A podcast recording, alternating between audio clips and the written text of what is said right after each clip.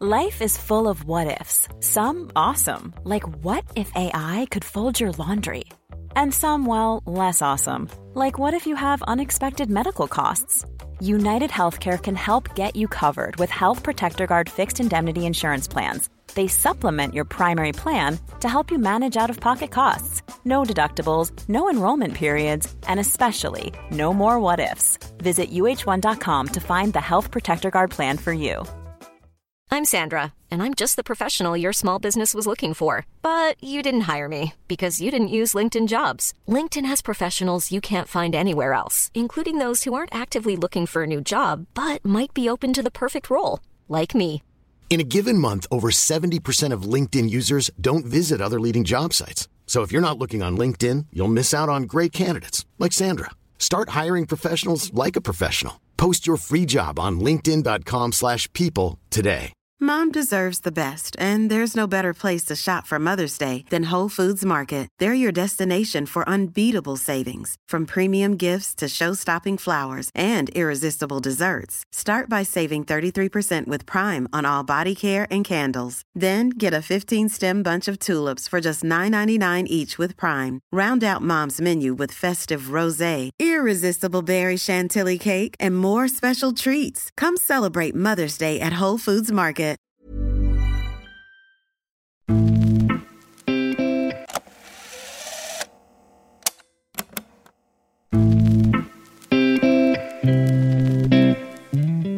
Efter att Blåvitt precis undvek kval i Allsvenskan 2023 gör klubben ännu en nystart, även om det blivit mest förluster under försäsongen. Ola Larsson är central i rollen som ny teknisk direktör och målet är att lyfta Blåvitt rejält. När jag träffade Larsson för en poddintervju våren 2023 talade han om synen på klubbens problem, om vad som fick honom att tacka ja till jobbet, om det stora arbetet som krävs, om lärdomarna han kan ta med sig från Hammarby. Och om vad Göteborgs nya storlag Häcken gjort rätt. Dessutom berättade Ola Larsson om tiden som allsvensk spelare i Trelleborg, om skräckskadan som fick honom att bli ungdomstränare, om jobbet med talanger i Brommapojkarna, om nyckeln till Hammarbys sportsliga kliv, om hur den klara flytten till en klubb på Cypern uteblev, om att hantera en mer publik roll i Blåvitt.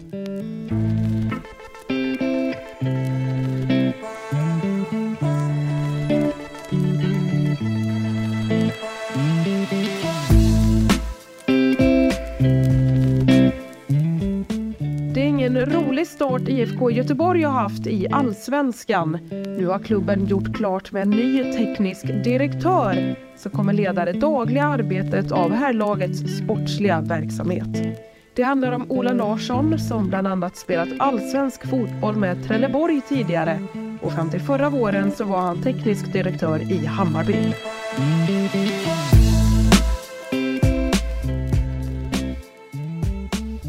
Det är nu ett tag sedan Blåvitt utmanade i toppen av Allsvenskan och efter en tredjedel av säsongen 2023 ligger man en bit ner i tabellen.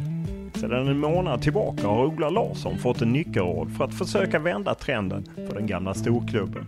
I podden berättar Blåvitts nya tekniska direktör om hur han ska försöka utnyttja sina lärdomar från tiden i Hammarby för att försöka få Blåvitt på rätt köl igen. Det finns väldigt mycket likheter och, och eh, det ska bli enormt kul att se, du vet.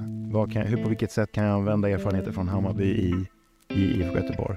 Eh, men, men jag tror också liksom att IFK Göteborg är också en, en, en, en annan klubb så att säga och eh, man behöver liksom på något sätt eh, utgå från deras problematik också. Så att eh, alltså det, det är ju enormt viktigt. Jag kan inte bara hela tiden bara titta tillbaka liksom. Vi talar om Blåvitts utmaningar och vad rollen som teknisk direktör innebär. Där Larsson också ger en del besked kring hur han ser på sommarens transferfönster och på tränarfrågan. Vi har kommit långt i processen så får vi se liksom när vi, när vi tar beslut kring det här.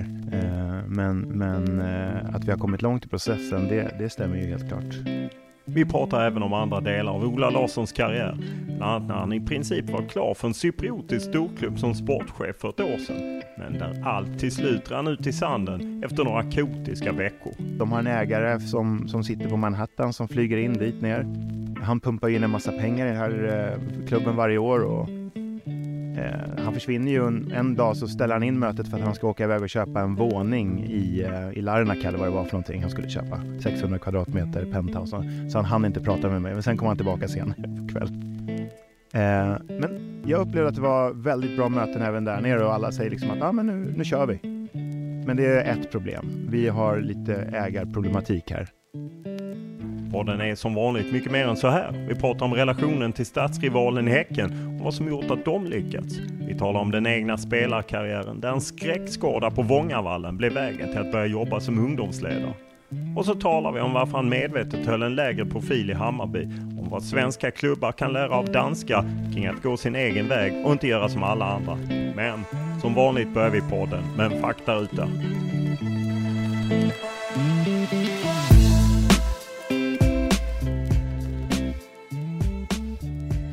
Ålder? 45. Bor? Ja, jag bor kvar i Stockholm men jag ska flytta ner till Göteborg här nu. Familj? Ja, en fru och tre stycken tjejer. Utbildning? Ja, eh, sex år på universitetet. Lön? Ja, tillräcklig. Vad kör du? Jag har en person nu, men jag vet inte vad som kommer hända nu faktiskt. Jag hoppas få någon, någonting nytt när jag kommer ner. Vad läser du? Eh, uff. Eh, just nu ingenting faktiskt. Vad tittar du på? Ja, eh, jag försöker, när jag tittar på tv så försöker jag titta på tv-program som jag inte behöver anstränga mig så mycket. Så jag vill inte bli meddragen i någon typ av handling. Jag vill inte att det ska vara så mycket tankeverksamhet. Så typ eh, Real Housewives of Beverly Hills eller New York. Det är toppen, för då får man liksom, du kan titta på saker och ting utan att behöva tänka någonting. Vad lyssnar du på? Eh, jag lyssnar på eh, väldigt mycket poddar. Eh, vad spelar du på? Eh, spelar alltså tv-spel? Nej, nej, det, det håller jag mig borta ifrån. Alltså, det kan jag inte göra. Det, spel kan ju vara instrument, det kan vara på hästar. Eh, ja, nej, jag, nej, jag kan inte. Jag håller mig borta från allt sånt, sånt där. Så fort, så fort jag liksom börjar med något sånt där så blir jag bara fast så att jag håller mig borta. Vad klassar du som din främsta merit i, inom fotbollen?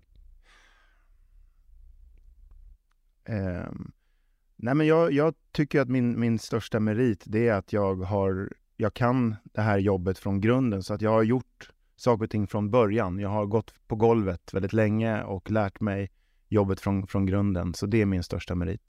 Vilket är ditt favoritlag och varför? Jag har inget eh, favoritlag bortsett från det laget som jag jobbar i idag såklart, IFK Göteborg. Det skulle vara konstigt att säga någonting annat. Eh, men eh, fotboll för mig har, har liksom Alltså fotbollen i sig är min passion. Så att jag har liksom aldrig haft något sånt där lag som jag har haft, eh, hållit nära hjärtat på det sättet. Så att eh, de som jag jobbar på, självklart håller jag ju på liksom. Vem är för dig tidernas bästa fotbollsspelare? Ja, men det är Diego Maradona. Du har ju en spelarkarriär, nådde ju allsvenskan. Eh, vilken är den bästa tröja du bytt till dig? Om du har bytt till dig? Jag har inte spelat något lag där man får byta några tröjor, det kan jag säga. Alltså den typen av budget har inte vi haft. Eh, vad klassar du som den största upplevelse du haft i fotbollssammanhang? Um, jag har ju en upplevelse som, som var, vi, vi var nere i um, klubblags-VM för 15-åringar i Hongkong 2005. uh, det var en fantastisk upplevelse. Var det med BP eller? Uh, ja, exakt. Ja, så det var BP's 90 Egentligen när man tänker tillbaka på det så är det ju enormt vilken upplevelse att åka ner dit och möta de bästa 15-åringarna från, från resten av världen. Så vi var där i, tror var 10 eller 12 dagar. Vilken regel hade du velat ändra på i fotboll? Eh, jag förstår inte handsregeln överhuvudtaget. Så att eh, den, den, eh, den, den skulle jag nog... Eh, jag kanske bara behöver förstå den. Det kanske är mer det. Jag kanske bara ska förstå handsregeln. Eh, om vi tar bort idrott och hälsa, vad var du bäst på i skolan? Ehm, jag har varit egentligen barnsligt förtjust i, i um, samhällsfrågor men också religion. Uh, så att, att fördjupa mig i olika typer av religioner och, och, tro, det har varit enormt kul. När var du riktigt lycklig senast? Alltså, jag brukar ofta säga det liksom att om, om jag har ett privatliv där det är hyfsat tryggt, där jag inte behöver liksom gå upp och ner i en massa dalar och då kan jag ha ett arbetsliv där det är liksom upp och ner. Då är jag lycklig och då är jag, då är jag nog konstant eh, på en bra plats. Ska jag säga. Om du tvingas byta jobb, vad gör du då? Ja, men då blir jag eh, lärare. Vid vilka tillfällen ljuger du? Eh, jag kan överdriva ibland för att förbättra en historia. Det, det är ju en, en, en, en, sanning jag tycker man kan ta med sig. Liksom att så länge man överdriver för att historien är, blir bättre så är det alltid okej okay att överdriva lite. Vilken är din favoritsvordom? Ja. Ja, jag har inget, eh, inget sånt där som jag brukar liksom... Eh, nej, jag har inget speciellt faktiskt. Vilket uttryck använder du för mycket? Grymt säger alldeles för mycket. Um, ja, det säger nog alldeles för mycket.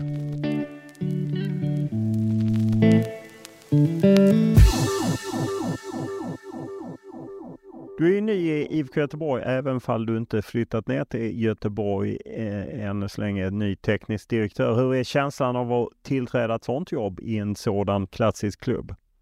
Ja, men det är självklart enormt, enormt roligt att komma ner dit och träffa på liksom, organisationen och, och laget, spelarna, ledarna, eh, komma till arenan, uppleva spänningen och känslan kring, kring Gamla Ullevi. Eh, sen är jag ju uppväxt med den här klubben. Eh, alltså som, jag menar, folk som är lika gamla som mig har ju följt deras framgångar genom åren. Eh, så att det här är ju en del av min uppväxt. Och att träffa då Håkan Mild till exempel eh, och bli rundvandrad av honom på Kamratgården. Bara det var ju liksom en upplevelse i sig, skulle jag säga. Hur eh, lång har processen varit innan det landade i att de skickade ut ett pressmeddelande att du var klar som ny teknisk direktör? Nej, jag tyckte att det var, det är en ganska, det var en ganska snabb process, men en ganska intensiv eh, process. Och eh, Håkan hörde väl av sig någon gång här under våren eh, och eh, första gången som jag träffade honom så satt vi då, kom jag ner, han hämtade upp mig på centralstationen, åkte hans bil ut till, till eh, ett, en möteslokal, så satt vi där från, ja, exakt, mitt tåg gick tillbaka 18.30, han hämtade mig 9.30. Jag fick springa till tåget. Så vi satt och pratade oavbrutet eh, en hel dag. Mm, det, det, det, var, det var kul alltså. Vad var det viktigaste du ville ha svar på? Jag tycker att i den här rollen så är liksom ansvarsuppgifterna väldigt viktiga för att det, det kan bli väldigt brett och väldigt stort.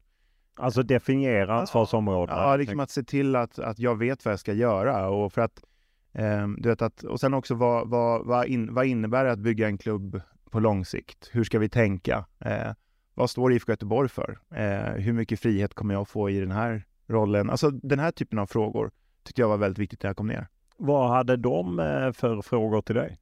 Eller Håkan då? Nej men ganska mycket. Alltså väldigt mycket skulle jag säga. Eh, nej men de handlar väl mer om hur jag ser på eh, IFK Göteborg, hur jag ser på framtiden, hur jag ser på truppen. Eh, eh, jag hade ju, alltså till mötet så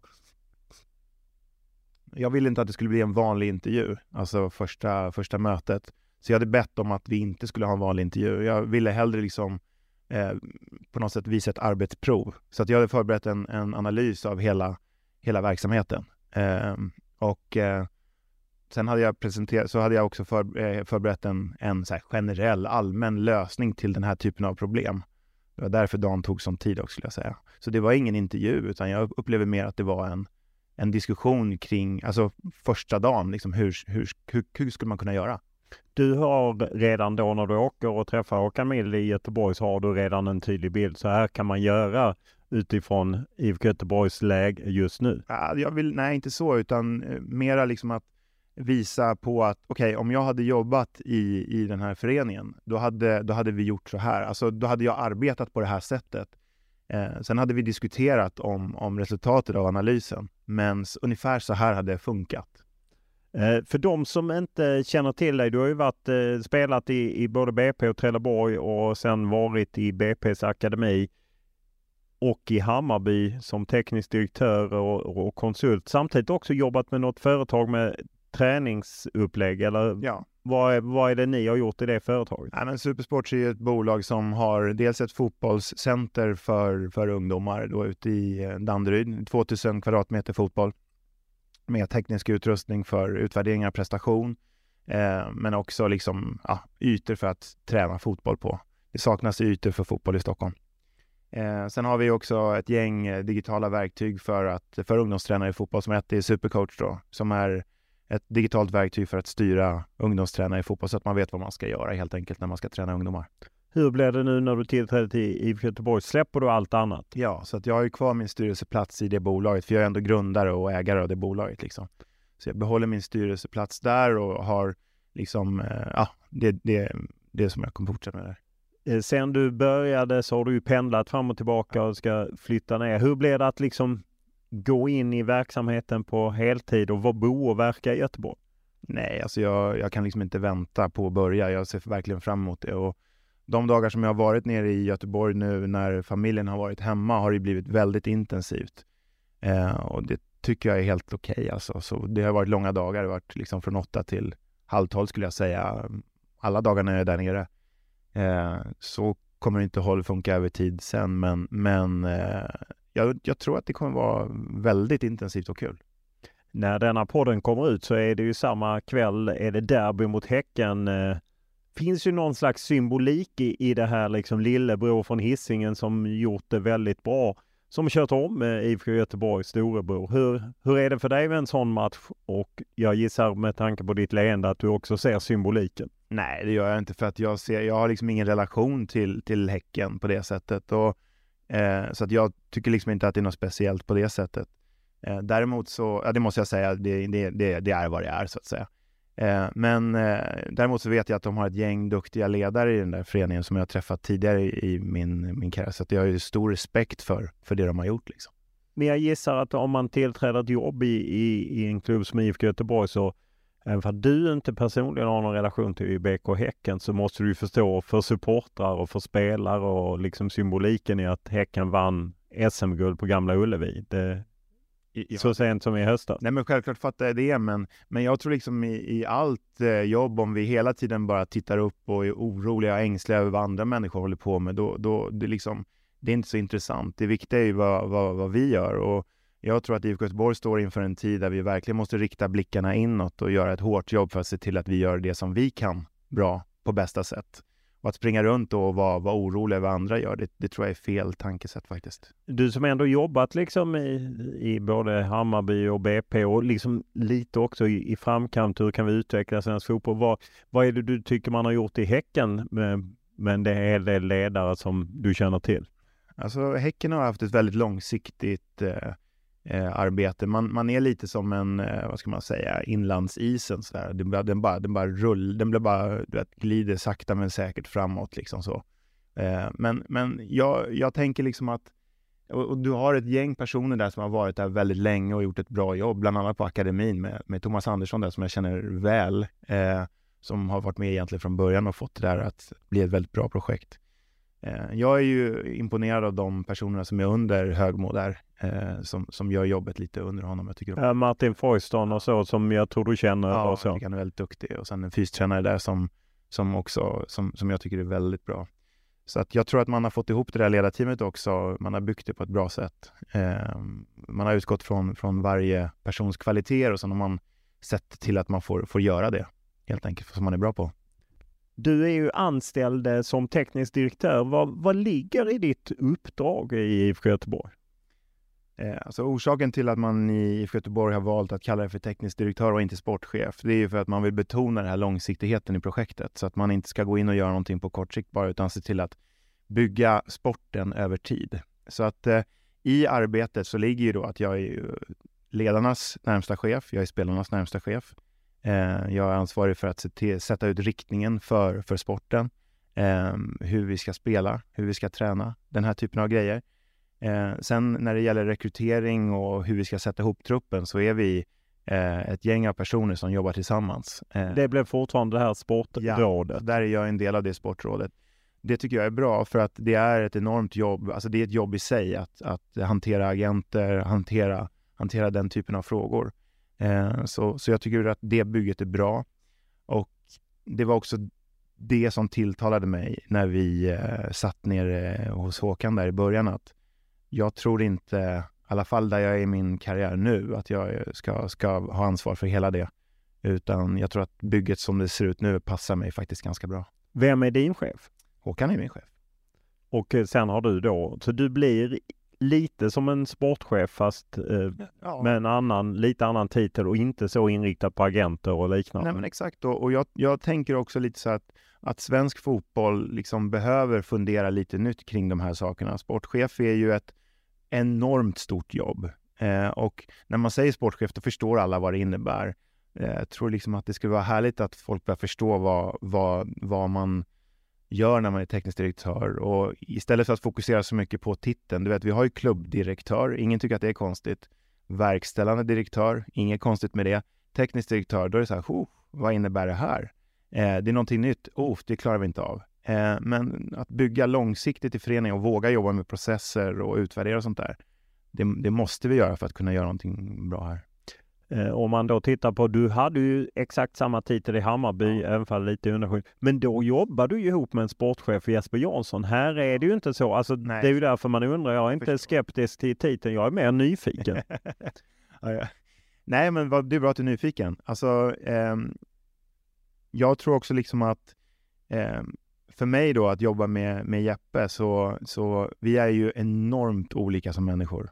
Men vi synkar i grundläggande värderingar. Eh, och eh, jag lärde mig väldigt mycket av att jobba med honom. Han hade ju alltid det sista avgörande gällande egentligen alla frågor. Medan jag liksom eh, kunde, vad ska man säga, rådgöra och hjälpa till att peka ut en riktning och se till att vi följde samma, samma väg framåt. Och jag är enormt stolt över den tiden som, som vi hade tillsammans i Hammarby. Det var inte bara jag och Jeppe, alltså vi hade ju Hjelmberg och vi hade ju en VD där. Ja, Alltså, det var massa- Scouten eh, Micke Hjelmberg och så, så att ni var många. Ja, det var många som var väldigt bra tycker jag under det, men det är ju egentligen skulle jag säga kanske de mest framgångsrika åren i Hammarbys, eh, ja, om inte historia så, så nästintill alltså. Om man ser just eh, nyligen så var ju eh, eh, Ola Andersson, eh, sportchef i Sirius, sjukskriven. Manuel Lindberg sjukskriven eh, som eh, VD i AIK. Det är ju slitsamma jobb. Jesper Jansson lämnar sitt uppdrag. Hur, hur får man, går det att ha sådana jobb på lång tid eller är det begränsat till några år? Alltså jag tror att ditt jobb är nog ganska utsatt och pressat också. Eh, och eh, det är därför jag menar på att det är dags att se över de här rollerna och vi kan alltså inte jobba på på samma sätt som vi gjort tidigare. Det behövs vara en grupp av människor som stöttar varandra hela tiden med de här frågorna och, och eh, personer som, som litar på varandra. Eh, jag tror inte på den här modellen att det är en stark man eller kvinna som står längst fram. Jag, jag, jag gör inte det utan vi behöver göra det tillsammans. Eh, om man eh, tittar på eh, Hammarby, hur kom det sig att du lämnade Hammarby? Eh, du var ju kvar lite som konsult, men just Ja. att ni var framgångsrika. Ja, nej, men det var ju flera grejer. Dels så tänkte jag väl liksom att eh, nu har jag varit här, jag hade ju varit ett år på akademin innan och sen så fem år kring A-laget. Jag tyckte kanske att eh, det räckte. Sen så var det såna här enkla grejer som att vi hade flyttat till norra sidan av Stockholm. Eh, och det blev liksom på en fredag eftermiddag när du ska åka hem från Årsta så visste du aldrig om det tog en halvtimme hem eller en och en halv timme. Eh, och det var sådana där små saker du vet i vardagen som gjorde att ah. Och sen kände jag kanske att jag, jag behöver en tid i mitt liv där jag funderar över var jag är på väg någonstans. Så eh, jag kände att jag behövde liksom reflektera lite så här, okej, vad ska jag göra? Eh, och vad har jag för kvaliteter som kan tillföra någonting? Eh, och eh, därför så, så tog jag det beslutet. Jag tyckte det kändes jäkligt skönt måste jag säga. Eh, och, Varför var det skönt? Nej, men just det här att, eh, ja, men tänk dig själv att faktiskt få lite tid att sitta ner och fundera över livet och, och så här, vad, vad, vad är det som gör, vad är jag bra på? Vad, vilka grejer ska jag vara stolt över i, i, i, i, i mitt verk så att säga? Och hur ska jag ta det vidare till nästa nivå? Liksom? Det, det var det jag funderade över och det jag kände under hela den här perioden, det var att eh, jag saknade, jag måste tillbaka till elitfotboll. Alltså jag måste tillbaka till elitfotboll. Jag klarar inte, jag klarar inte av att vara borta från det. Alltså. Eh, vad hände med Cypern, eh, Omonia Nicosia? Sades det till och med att du var klar i Aftonbladet och vi på Fotbollskanalen hade uppgifter om att det var väldigt nära. Vad, vad gick snett? Nej, det var ingenting som, alltså det där var ju, om vi ska prata om långa processer, så det där var en riktigt lång process. Så att jag tror att den började, måste ha börjat i slutet av november eller någonting sånt där, början av december. Det var väldigt mycket intervjuer. Och jag vet att man har en bild av Cypern att det är oproffsigt och jag tror kanske att den här historien kommer sluta just där. Men, Men den, jag, jag fick en annorlunda bild av att, du vet att det var väldigt strukturerade intervjuer. Och det var väldigt mycket folk som skulle vara med och lyssna. Och det var flera intervjuer och det bara blev mer och mer och mer. Och sen helt plötsligt så sa de att eh, ja, men nu är det klart. Eh, så fick jag ett avtal uppskickat och det var ju ett pre-contract så det är inget riktigt avtal så. Jag har skrivit under det. Eh, vi kom överens, löne, löneförhandlar och allting. Men sen ska jag åka ner då, träffa dem, skriva under det riktiga avtalet. Så jag är nere i fyra dagar eh, och eh, träffar alla. De har en ägare som, som sitter på Manhattan som flyger in dit ner.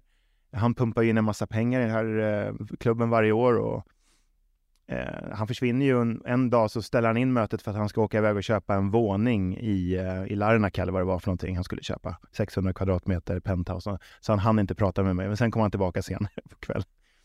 Eh, men jag upplevde att det var väldigt bra möten även där nere och alla säger liksom att ah, men nu, nu kör vi.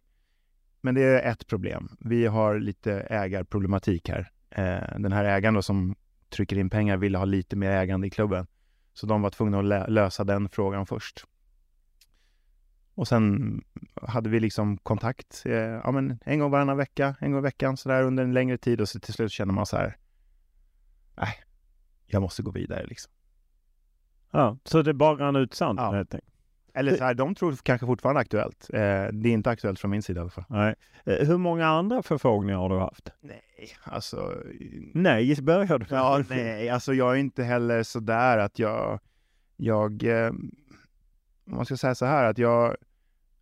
Det är nog väldigt få ställen som jag, som jag kan tänka mig att jobba på. Och det handlar inte att jag är, är vad ska man säga, Nej, men det, det, handlar mer om att jag, jag vill komma till ett ställe där jag blir utmanad och jag vill hamna på ett ställe där jag inte kan se något slut för utvecklingen. Att det, du vet, börjar det snurra i rätt, rätt riktning, då, då kan det bara spinna iväg och bli hur bra som helst. Och när då IFK Göteborg hörde av sig så, så kände jag det direkt att om vi får ordning på det här och det börjar snurra i rätt riktning, då finns det liksom ingen broms. Och det tycker jag om. Ta oss tillbaka till din eh, spelarkarriär. Eh, vad är det som gör att du fastnar för fotboll från början? Jag tycker om att tävla. Jag tycker om att göra mitt bästa. Ehm, jag tror på det här, du vet att om du investerar mycket tid så, så får du någonting tillbaka eh, på det. Ehm, nej, jag tyckte det var väldigt kul bara. Det var bara det. Eh, du tar de första kliven i Brommapojkarna? Ja, jag börjar ju egentligen i Jenny BK i Västervik. Så att jag är född i, i Småland. Eh, flyttar upp till Stockholm, hamnar i en kvartersklubb som heter Kärrtorps bollklubb. Eh, så, och sen så blev jag då rekryterad till Brommapojkarna när jag var 12. Eh, och började åka då en och en halv timme enkel, du vet fyra, fem gånger i veckan från Skarpnäcksfältet till, till Grimsta. Så att jag brukar säga att jag är uppväxt på tunnelbanan. Eh, och eh, bara den... Är det, apropå BP som emellanåt är omdiskuterad, var det, en bra, var det ett bra val? Ja, alltså utifrån Alltså så här, jag tycker många gånger i den här frågan att man behöver utgå ifrån vad, vad barnen tycker är roligast eller vad ungdomarna vill. Eh, och eh, jag ville ingenting annat än att bra på fotboll. Eh, och det är klart att på vägen ut till Grimsta så åkte jag förbi Söderstadion. Men den verksamheten lockade inte mig då. Den var inte tillräckligt bra. Nu, kanske om jag hade varit liksom ung spelare, 12 år gammal, då hade jag nog antagligen inte åkt förbi Söderstadion. För att eh, Hammarby har en tillräckligt bra verksamhet på ungdomssidan nu. Så den, den utmanar mig, förstår du? Den hade utmanat mig. Men, men då, då fanns det ingenting annat. Jag skulle bli fotbollsspelare, då var det det här som, det här var vägen framåt. Vilken position spelar du på? Alltså jag kom ju dit som innermittfältare och sen så blev jag mittback sen. Eh, och eh, hur långt upp tar du dig med BP?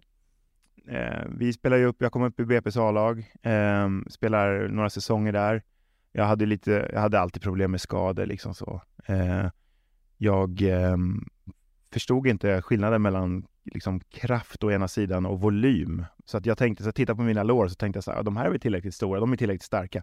Men volym har liksom ingenting med, med styrka att göra så att jag borde kanske ha styrketränat lite mera den typen av grejer. Då. Men eh, när man är uppe i VPS A-lag och sen vidare till Trelleborg då. Eh, på den tiden alltså så här, det här är ju en, en självbevarelsedrift kanske, men på den tiden så var det så att Stockholmsklubbarna rekryterade inte Stockholmsspelare, utan man tittade hellre utanför Stockholm. Eh, så Djurgården till exempel, de åkte inte ut till Grimsta och, och tog hela ungdomssidan, utan de, eh, de tittade hellre i Umeå eller någon annanstans. Va? Så då blev det Trelleborg. Eh, och jag tyckte själv att det var en, en rolig utmaning måste jag säga. flytta från Stockholm och göra någonting nytt. Skitkul. Och eh, du gör 35 eh, matcher i Allsvenskan om jag inte har fel för mig. Spelar även i Superettan för ni trillar ur i tidigt 2000-talet. Hur, hur var Trelleborg då? Alltså det var en underbar eh, upplevelse för mig att komma till, till en sån klubb som stod för helt andra värderingar än vad jag är van vid. Eh, vad skilde sig? Oh, det är så mycket som skiljer sig. Alltså det, det var enormt mycket som skilde sig. Eh, jag flyttade ju från Trelleborg ganska tidigt, alltså staden, till Malmö. För det tyckte jag Alltså du får skilja på Trelleborg som förening och Trelleborg som stad där. För mig blev Trelleborg som stad lite för litet. Eh, Malmö däremot funkade alldeles utmärkt. Fotbollsmässigt så, så det var ett gäng eh, härliga människor kring den där verksamheten. De har ju en, en lagledare, jag vet inte om du har träffat honom, som kallas för Lager. Nej, det har jag inte. Ja, och jag, det, hans vanligaste ord var det är ju liksom hela tiden vad man än sa så var det det svaret. Och jag tyckte så mycket om det. Så jag vet inte varför jag tyckte så mycket om det. Eh, och, eh, så det, var ju, det är ju Trelleborg för mig, just det där uttrycket. Jo, det har man hört en gång. Oh. Eh, så att det, det fattar jag. Men vad var det som gjorde att det tog stopp? Var det skadorna? Jag läste något i Trelleborg så alla andra någon höftskada och ja. liknande. Ja, och det var ju, alltså vi spelade en träningsmatch mot FC Köpenhamn. Eh, och då är det ju så här att på Vångavallen så, de har ju väldigt långt gräs där nere. Och det är inte så att spelarna i Trelleborg vill att det ska vara långt. Eh, utan det är ju så att jag kommer ihåg att vi, Alf Westerberg, han ställde frågan till vaktmästaren där att eh, du, kan du inte klippa ner gräset så vi kan lira lite boll här? Och då svarar vaktmästaren, och det här är också sammanfattat Trelleborg som stad, svarar vaktmästaren så här, du, det är jag som bestämmer hur långt gräset ska vara här och ni kan ju fan inte ens lira, så det är bara bra om gräset är långt. Det blev, det blev inte kortgräs till de där matcherna. Men i alla fall så, jag fastnade i det där långa gräset i alla fall med, med knät eh, och hade bollen vid andra foten så att säga. Och så kom en motståndare och sparkade på bollen samtidigt som mitt ben, eh, lårben lossade från höften. Så lår, hela lårbenet bara lossade ut från, från höften. Och sen så var det slut. Karriären helt enkelt. Ja. Vad gjorde att du då sökte dig till fotbollen fortsatt?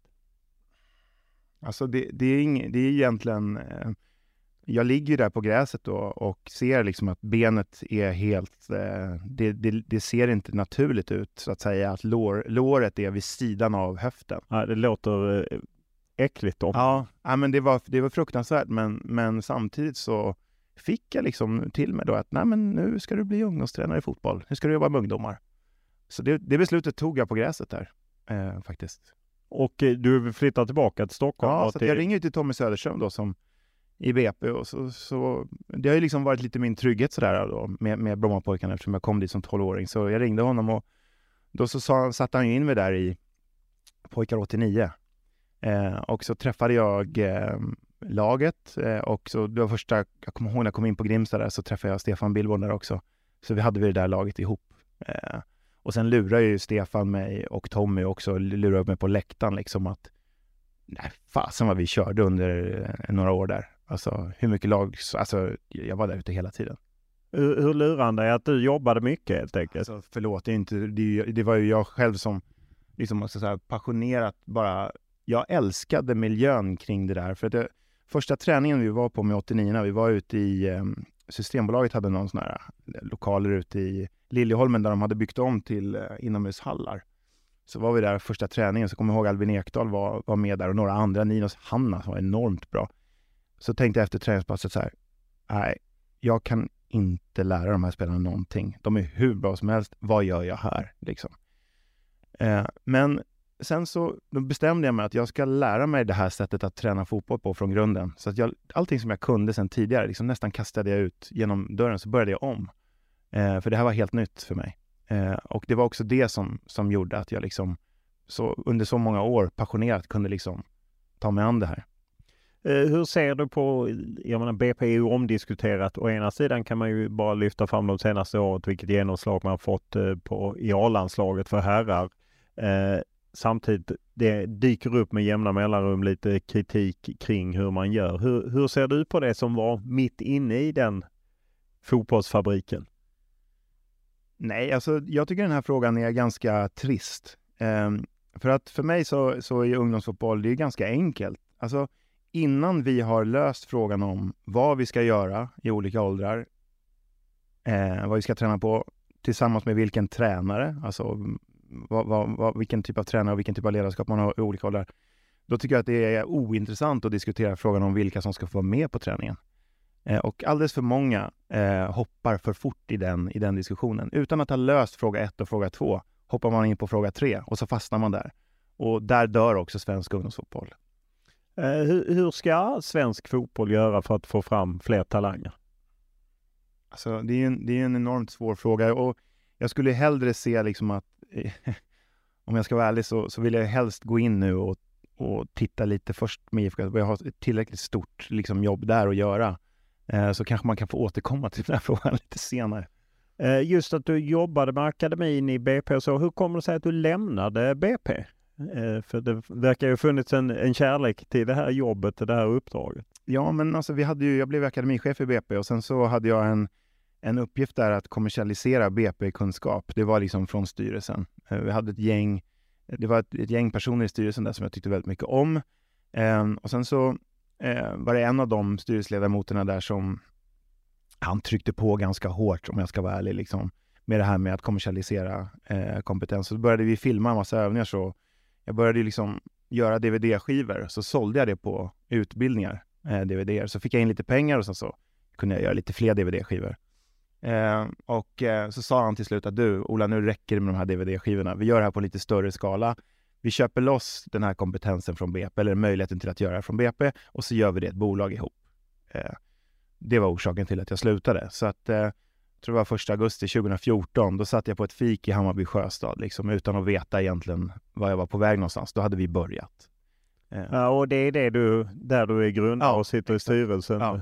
eh, som fortfarande, ja. var det Helgesson och Krändu med? Ja, nej, utan det var en kille som heter Harald Mix. Ja, Okej, okay. ja, ja, det, Harald Mix, eh, för de som inte de kan googla hans riskkapitalsatsningar och så, men det är, det är med honom du har gjort det helt enkelt? Ja, så att han har varit, jag skulle alltid, jag har stor respekt för honom och jag kommer alltid vara tacksam över det som han har eh, gjort för mig. Så att, eh, ja.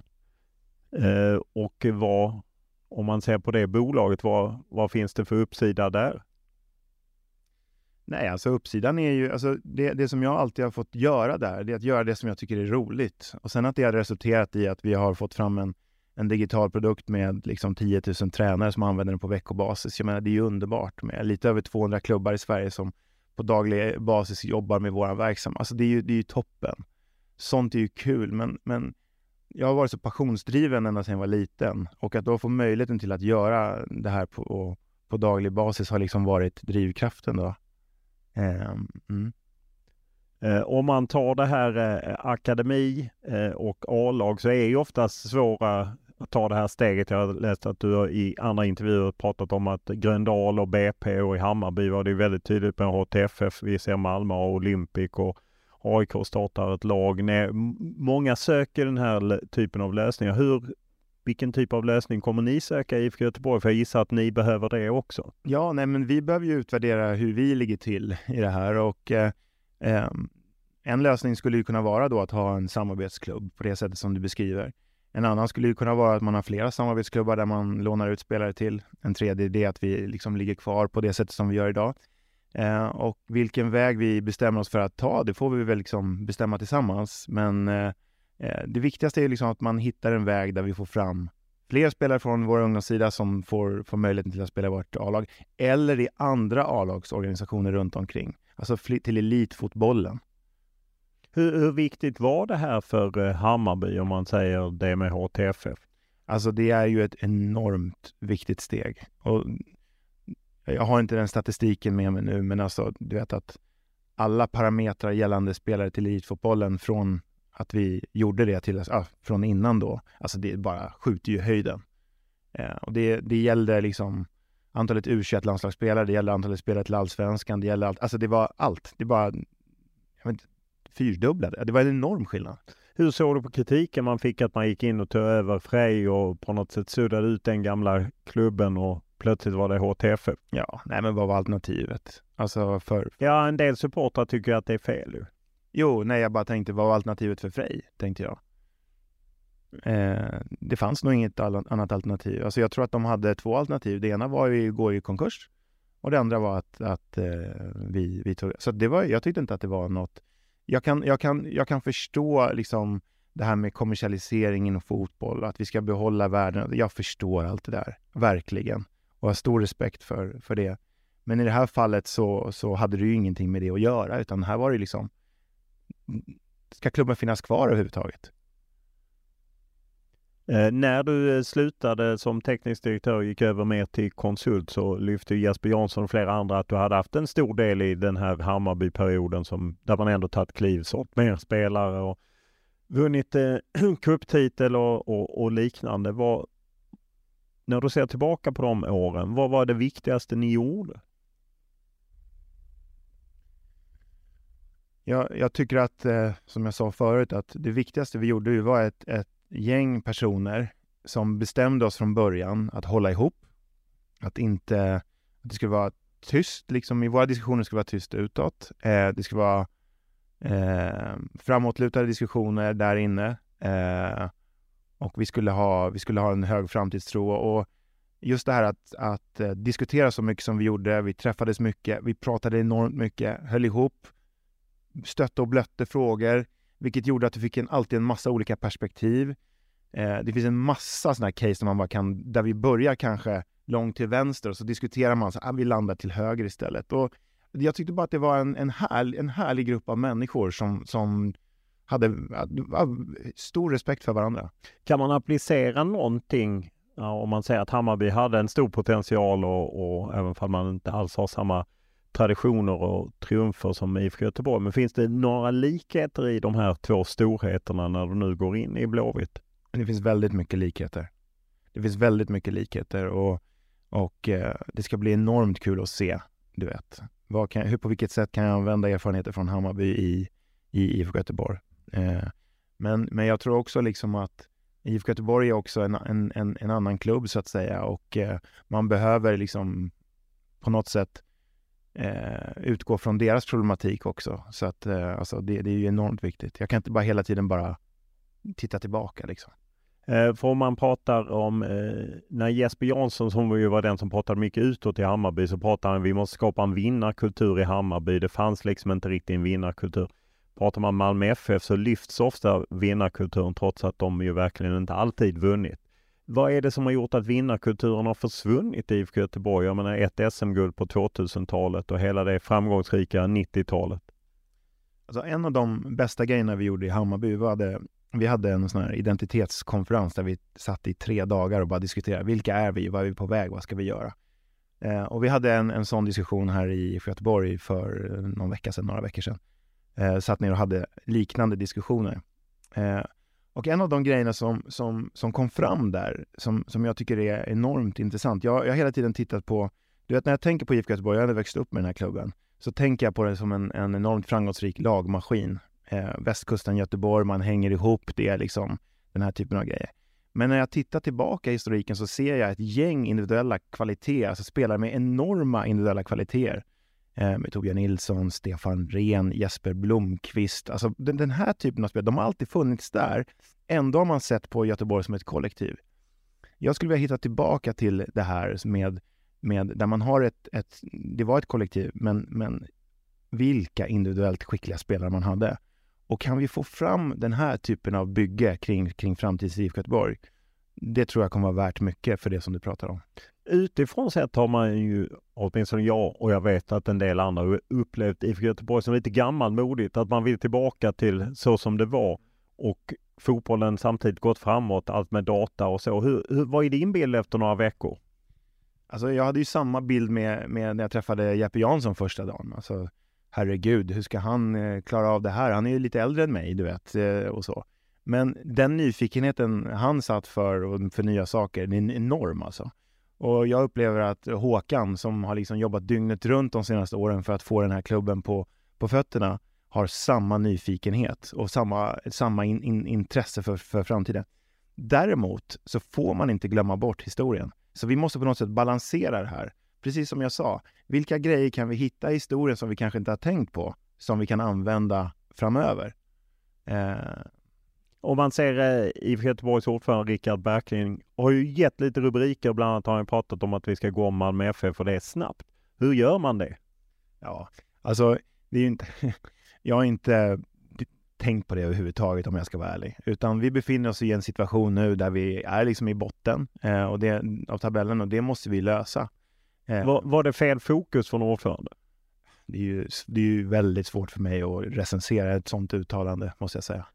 Jo men hur, du vet ju att det finns där och jo, jag på något det. så måste du ju tackla det. Jo visst, men jag måste väl också på något sätt utgå ifrån den bilden som han hade där eh, när, han, när han satt där. Jag vet inte vad han satt på för information då så att eh, jag får väl gräva vidare det där helt enkelt. Vad skulle du klassa som Blåvitts viktigaste problem?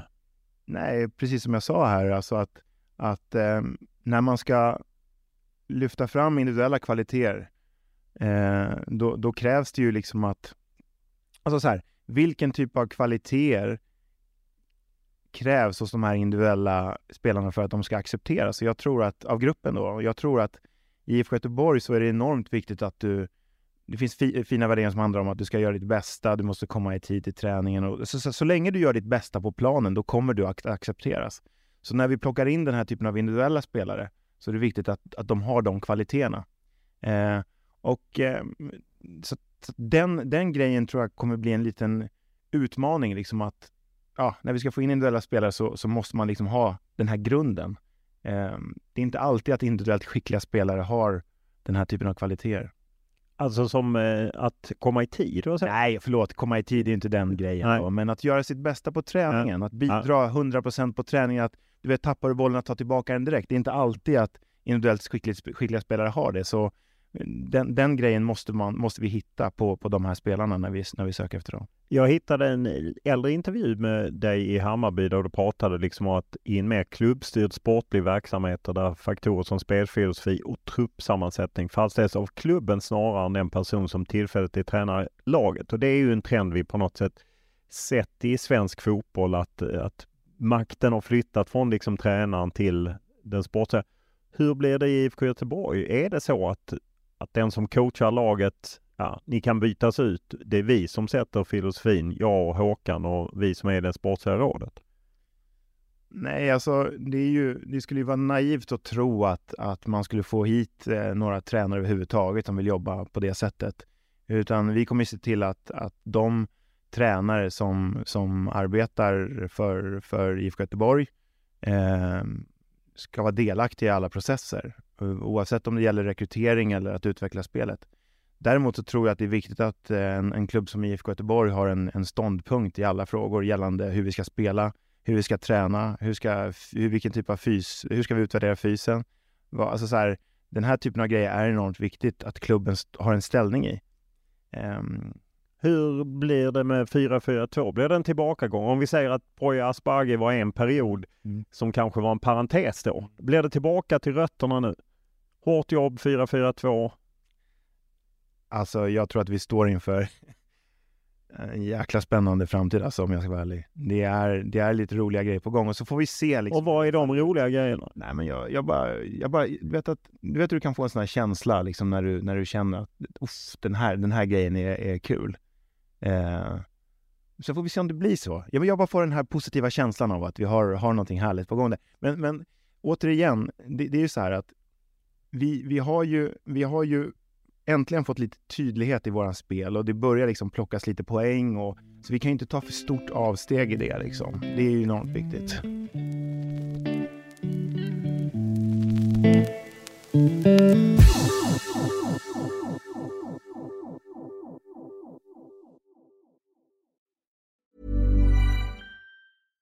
How would you like to look five years younger? In a clinical study, people that had volume added with Juvederm Voluma XC in the cheeks perceived themselves as looking five years younger at six months after treatment. Look younger, feel like you. Add volume for lift and contour in the cheeks with Juvederm Voluma XC. Reverse signs of aging by adding volume to smooth laugh lines with Juvederm Volure XC.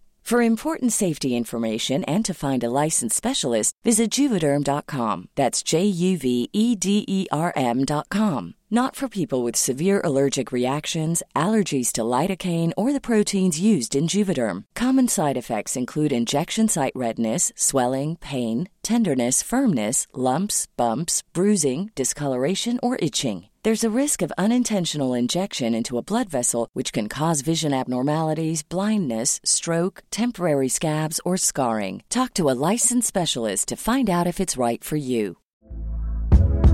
Hey there, it's Michelle Norris. I'm host of a podcast called Your Mama's Kitchen. When I travel, I'm usually looking for a way to find a taste of home when I'm not at home. And one of the things I love to do when I am at home is entertain. And Airbnb allows me to do that. When I was in California recently, I rented a house that had a great kitchen. And when we were sitting around the table, we're all thinking, we're in someone else's house. Someone could be in all of our homes as well. If you have a home, but you're not always at home, you have an Airbnb. Your home might be worth more than you think. Find out how much at airbnb.com/slash host. This is Paige, the co-host of Giggly Squad, and I want to tell you about a company that I've been loving, Olive and June. Olive and June gives you everything that you need for a salon quality manicure in one box. And if you break it down, it really comes out to $2 a manicure, which is absolutely insane. It's also so easy to get salon worthy nails at home with Olive and June. The difference between how your nails used to look when you did them yourself and now with the Manny system is a complete game changer. The best thing about Olive and June too is it's a quick dry. Dries in about one minute, lasts for five days, and full coverage in up to one to two coats. Visit oliveandjune.com slash perfectmani20 for 20% off your first system. That's oliveandjune.com slash perfectmani20 for 20% off your first system.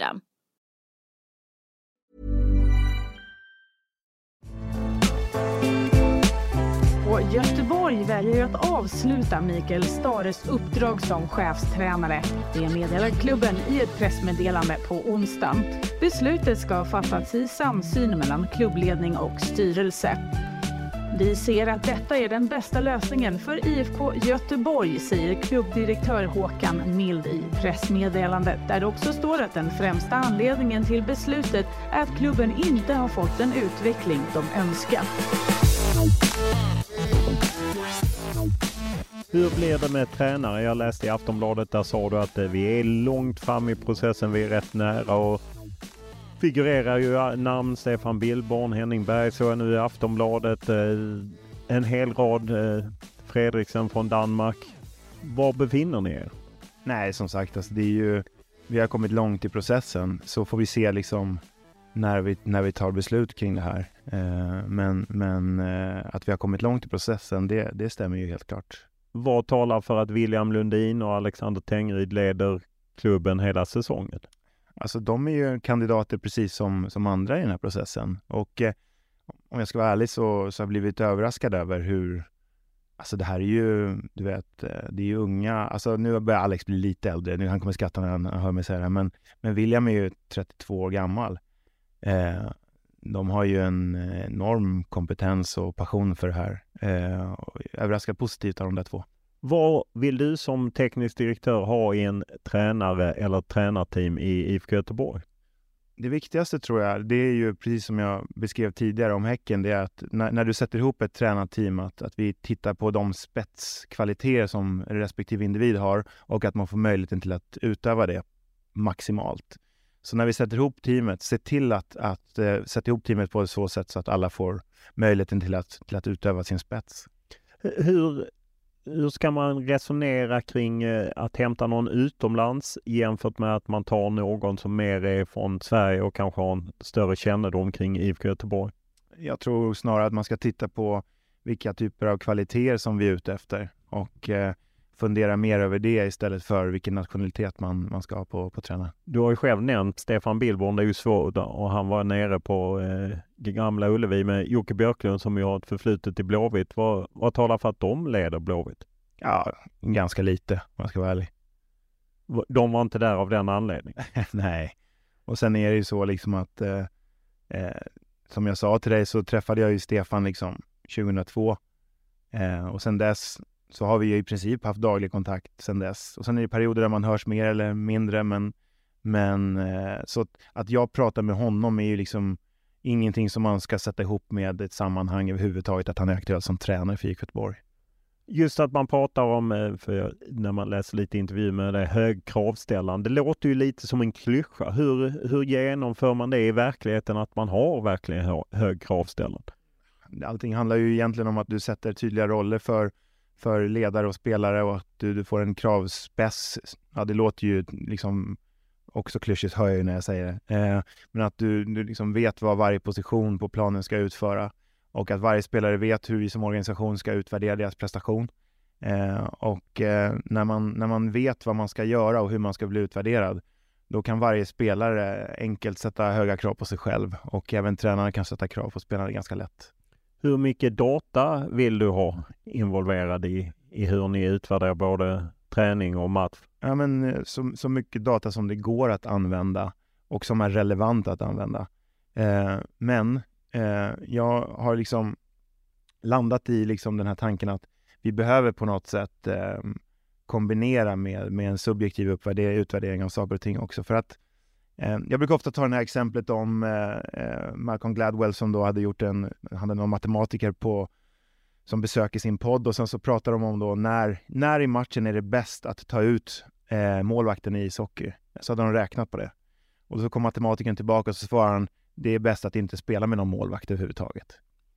Eh, och då är det ju så att när man då kommer ut på ett fullsamt eh, Madison Square Garden och, och, ställer upp utan målvakt så kommer det vara 20 000 i publiken där som undrar vad fan är det som händer. Eh, så vi kan liksom inte glömma bort den här subjektiva bilden och känslan som finns i fotbollen. Så den kommer jag se till att behålla. Men jag vill använda data som ett, ett, ett verktyg att utvärdera prestation, helt klart. Så vi kommer inte få se Blåvitt eh, flytta upp målvakten ännu mer fastän man räknar fram det. Eh, du har ju Stig Torbjörnsen som scout. Han är ju rätt skeptisk till data. Hur, hur ska ni hantera det? Nej, på det sättet som, som jag precis har sagt här att att eh, dels så kommer vi att använda subjektiv bedömning. Liksom, och saker. Stig det helt Nej, men exakt, men också han rör sig på marknader där det inte alltid finns någon data heller. Eh, men sen tror jag väldigt mycket på det här att, att eh, nej, men om du tittar på Stig, han har en enorm spets i att, att hitta talanger liksom. Och jag tror inte att det finns eh, någon, ja, någon som har varit fler gånger än honom i Västafrika, liksom i, jag ska säga Europa. Det är enormt mycket han har varit där nere. Eh, då tycker jag att, att vi ska utnyttja den spetsen hos honom. Och så kan, finns det andra saker hos honom man kan ifrågasätta då, som, som den här grejen kanske. Men jag väljer att fokusera på det som han är bra på. Eh, och där är han unik, ska jag säga. Eh, Blåvitts track record när det gäller transfers har inte varit eh, topp på senare år. Hur, hur ska du förbättra det? Ja, alltså vi får väl, jag, jag, tror ju så här, som sagt, om beställningen är tydlig så att vi först har gjort en utvärdering, dels att vi vet hur vi ska spela, vilka vi är, var vi är på väg någonstans, vad, respektive, vad som krävs av respektive position, eh, vilken typ av KPI vi skulle använda då för respektive position så att säga. Så att beställningen... KPI? Ja. Vad kan du förklara det för de som lyssnar? Ja, nej men alltså nyckeltal, alltså man, man, det är ju ett sätt att, att, att utvärdera en verksamhet eller så till exempel, ehm, alltså Ska en ytter vara snabb? Ska den vara en mot en duktig framåt? Ska den vara bra på huvudet? Alltså den, vilken typ av kopior ska vi ha för? Det här kan du göra, på laget kan du jobba med kopior också såklart. Alltså om man ska utvärdera spelsätt till exempel. Men eh, eh, om beställningen är tydlig eh, så, så, tror jag att det blir enklare för våra scouter att plocka fram eh, rätt typ av spelare. Eh, och det kommer vi jobba ganska hårt med. Hur lång tid kommer det ta till er att göra det här jobbet för att sätta en, eh, en mall med tydliga då, nyckelpunkter som man kan börja jobba efter? Ja, en bra fråga. Alltså det är ju jag kan inte svara om vi kommer bli klara ens under det här året med, med de här grejerna för att det är ett, ett stort, stort arbete. Eh, jag kommer ju se till att driva det så fort det går, men det är också viktigt att, att vi får, att vi, vad ska man säga, att det blir kvalitet i grejerna vi tar fram liksom. Hur, hur balanserar man det med att å ena sidan så spelar man matcher och man ska helst hänga kvar och kanske klättra i tabellen och dra åskådare till, till Gamla Ullevi samtidigt som man jobbar med någonting som ju ska ge de här den här oh-känslan som du vill få fram. Eh, hur, hur balanserar du det? Jag tror att eh, man, man behöver hela tiden ha två tankar i huvudet eh, samtidigt och, och liksom den här frågan om utveckling mot resultat. Alltså om, om, det är, om man tror att det är motsättningar till varandra, då tror jag att man tänker fel. Eh, alltså utveckling borde ju leda till resultat och kan vi då jobba långsiktigt och utvecklas så borde det leda till, alltså rent logiskt sett, att vi blir bättre. Eh, så får man försöka hantera på kort sikt de grejerna som uppstår, men fasen, vi måste försöka att hela tiden sakta men säkert röra oss till att bli bättre. Hur eh, kommer ni jobba transfermässigt i sommar? Ja, det är, det, det är vi inte klara med ännu faktiskt, om jag ska ett helt ärligt svar. Eh, vad tror du? Eh, känslan är ju att ni kanske ändå behöver förstärka. Eh, ja, alltså att vi ska förstärka det, det är väl klart att vi kommer ta in spelare, men, men jag vet inte exakt eh, på vilket sätt vi ska göra det. Jag, jag kommer röra mig tillbaka till Göteborg imorgon, eh, så ska vi sätta oss att, att vi har ett möte faktiskt hela eftermiddagen imorgon där vi ska diskutera exakt den frågan. Så får vi se. Ja, Okej, okay. hur, hur, är det att, att komma in så här i en klubb? För det är ju härligt att jobba på lång sikt, men just att det ändå är det kortsiktiga. Det är ändå resultatet kan ju styra att det kommer eh, reaktioner från supportrar och liknande. Det kan ju bli lite motvind. Ja, men jag gick ändå ett år Eh, här och funderade över livet och längtade tillbaka till elitfotbollen. Och så sa jag till dig också att om jag har en, en stabilitet i min, mitt person, personliga liv där det, är liksom, där, det, där det känns tryggt, då är det okej okay att, det, att det är lite upp och ner. Eh, och sen är det så att vi är flera i organisationen som, som, ska, som ska göra det här tillsammans. Eh, och så länge vi, vi jobbar ihop och, och, och, bygger saker och ting tillsammans så får vi dela den här bördan. Eh, men glöm inte bort att det är jäkla kul att vara med om det där också. Det finns ju uppsidor också, eller hur? Det är inte alltid så att du förlorar, du kan ju vinna också. Absolut. Eh, och eh, man får väl ändå säga att i Hammarby var det ju mer av en doldis. Där var det ju mer Jesper Jansson och som kanske tog rubrikerna både när det gick bra och när det gick dåligt. Här får du ju en mer framskjuten position. Hur ser du på det? Nej, alltså jag ser på, på det på så sätt att jag tänkte hela tiden i Hammarby att eh, så här, jag tänkte så här att om, om, om vi ska bygga det här långsiktigt så behöver vi ha personer som inte är utsatta för daglig kritik, liksom, som kan sitta och, och fundera själva på något sätt. Så, där. så att jag ville inte använda min position där till att bli synlig eller någonting. Jag drog mig tillbaka från Twitter till exempel och, och höll mig borta från, från sociala medier för att eh, kunna få jobba i fred. Eh, och för, från mitt perspektiv så var det väldigt bra. Alltså jag tyckte väldigt mycket om det. Eh, så. För att då kunde jag liksom... Hur blir det nu när du är framskjuten? Med... Ja, nej, alltså jag kommer ju inte vara på sociala medier ändå. Eh, nu har ju Twitter blivit en plattform som inte är lika rolig heller. Eh, men eh, eh, jag jag ser fram emot det. Jag tycker det ska bli roligt. Eh, IFK Göteborg har ju emellanåt, förutom lite gammalmodig, så har man ju också fått lite kritik för att man kanske inte fått eh, ja, egentligen det du pratar om med Stockholmsklubbarna på din tid, att man inte tog spelare i närområdet. IFK Göteborg har varit dåliga i, i områden, ofta eh, kanske med utanförskap och liknande, att man inte varit tillräckligt skickliga på att suga upp talanger därifrån. Hur ska ni bli bättre på det, om ni ska bli det? Ja, och det, det är så här också, om man då tittar på avgränsningar av min roll, eh, så, så akademin är ju liksom helt utanför mitt ansvarsområde. I akademin kanske inte då, Änglagården ska inte du vara involverad i, men man har ju ändå fått kritik att man har haft svårt att härbärgera en del spelare. Kanske lite det du pratade om, att man eh, spetsspelare som kanske inte alltid på träning jobbar hårdast för att hämta hem bollen när de har förlorat den och liknande. Hur, hur ska Blåvitt bli bättre på det? Men exakt, om, om du tar bara, jag, jag vill bara på något sätt eh, zooma ut lite och bara jämföra fotbollen i Stockholm med Göteborg. Alltså, eftersom det är Stockholmsfotbollen som jag känner bäst. Och i Stockholm så har man ju då ett gäng föreningar som kanske jobbar med lite tidig selektering och sen så har man bättre verksamhet från yngre åldrar. Eh, och det gäller inte bara de klubbar som är BP och AIK, eller ja, inte AIK längre, men, men BP och Hammarby och, och, och, och Djurgården, utan även andra sådana här klubbar, eh, Stockshund, eh, Sollentuna, eh, Lidingö. Alltså den här typen av klubbar börjar få ganska bra verksamhet när man är liten.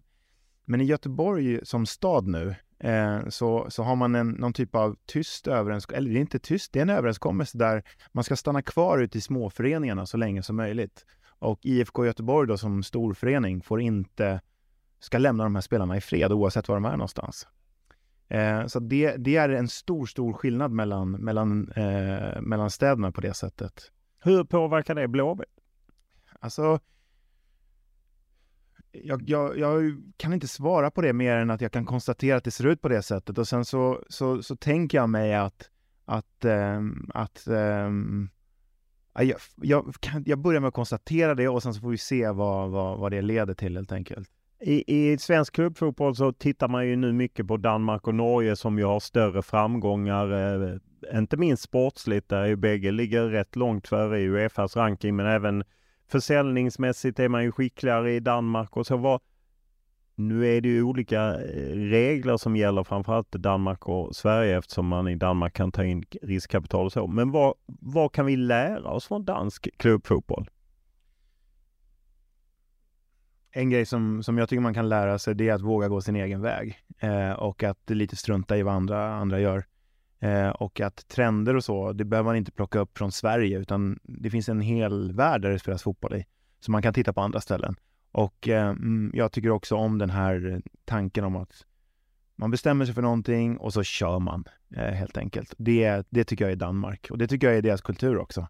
Ehm, men skulle IFK Göteborg kunna kopiera till exempel Nordsjälland som har en väldigt ung trupp eller det här samarbetet med Right to Dream eller skulle Blåvitt kunna ta en sån helt annan riktning? Blåvitt skulle kunna ta vilken riktning som helst. Alltså där, alltså bara, bara det är någonting som är eh, som, som vi tycker är, är, är förankrad i det som vi står för i grund och botten. Så att vi liksom enkelt kan, det måste synka. Folk måste förstå.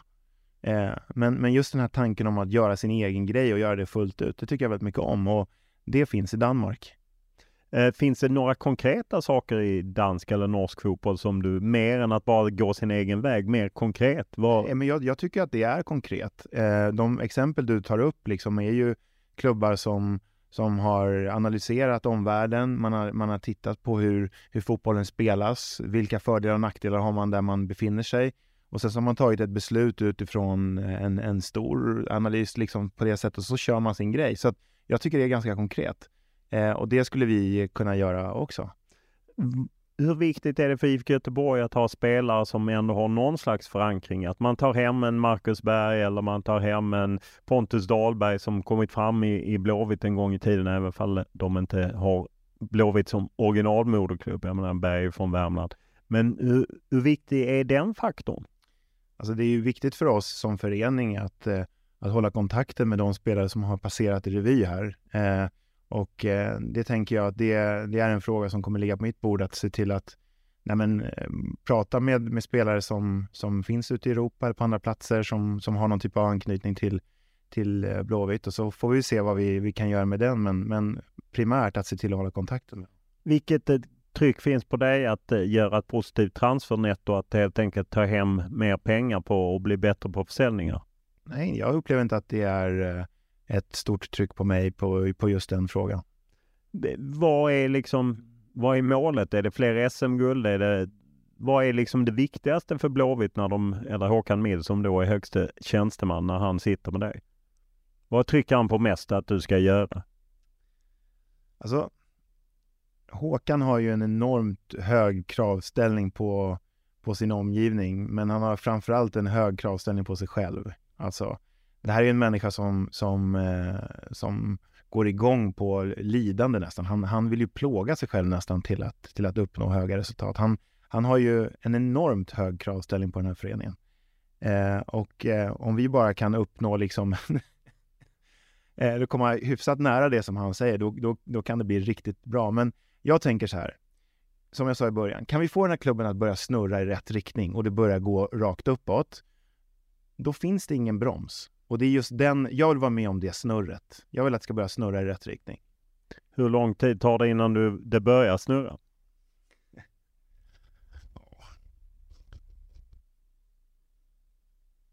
Nej, det måste nog bara, det, det, det, skulle ju vara kul om det börjar snurra snart alltså.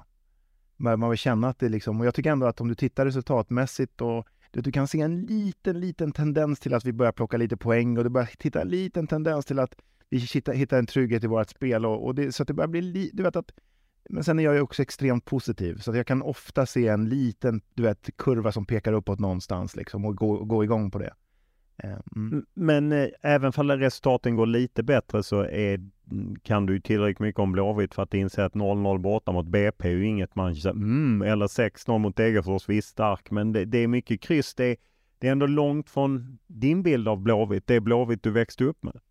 Så är det ju, men Blåvitt också då, om vi ska titta på identitet, handlar ju mycket om att, som jag sa, så länge som publiken kan se att vi gör vårt bästa, så länge publiken kan se att, att de elva spelare som är på plan plus eh, inbytare eh, som spelar de här 90 minuterna, eller när Blåvitt spelar så kan det ju fasen spelas matcher 120 minuter. Det är ju overkligt långa matcher alltså. Eh, men eh, eh, jag tänker på matchen mot Hammarby här där det var liksom, den tog aldrig slut. Nej, precis. Ja, men eh, så, så länge publiken kan se att vi gör vårt bästa så, så, så, så, så tror jag ändå att det finns en stor acceptans, eller jag känner att det finns en stor acceptans för, för det här. Sen måste det börja leda till vinster. Och det känner ju gruppen också. Alltså vi, det måste börja leda till vinster. Stort tack! Och den är producerad av Max Richna och klippt av Daniel Eriksson. Och vi tar tacksamt emot era synpunkter, tankar, idéer, önskemål eller kritik. Enklast är att mejla mig olof.lund.tv4.se eller skriva till mig på Instagram och då är det Olof Lund i ett ord eller Twitter och då är det också Olof Lund i ett ord. Stort tack för den här veckan!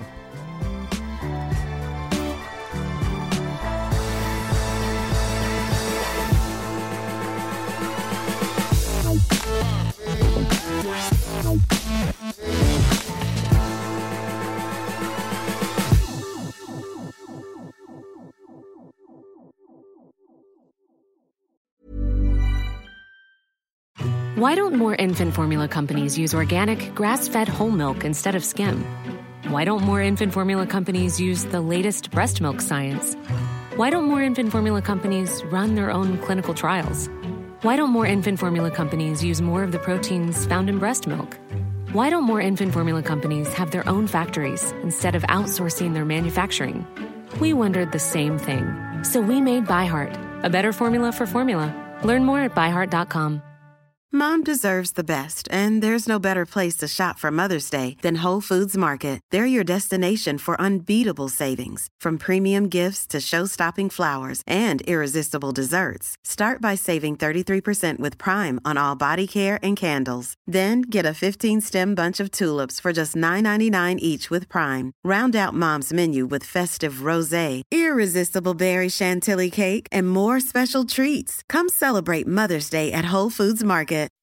When you make decisions for your company, you look for the no-brainers. If you have a lot of mailing to do, stamps.com is the ultimate no-brainer. Use the stamps.com mobile app to mail everything you need to keep your business running with up to 89% off USPS and UPS. Make the same no-brainer decision as over 1 million other businesses with stamps.com. Use code PROGRAM for a special offer. That's stamps.com, code PROGRAM.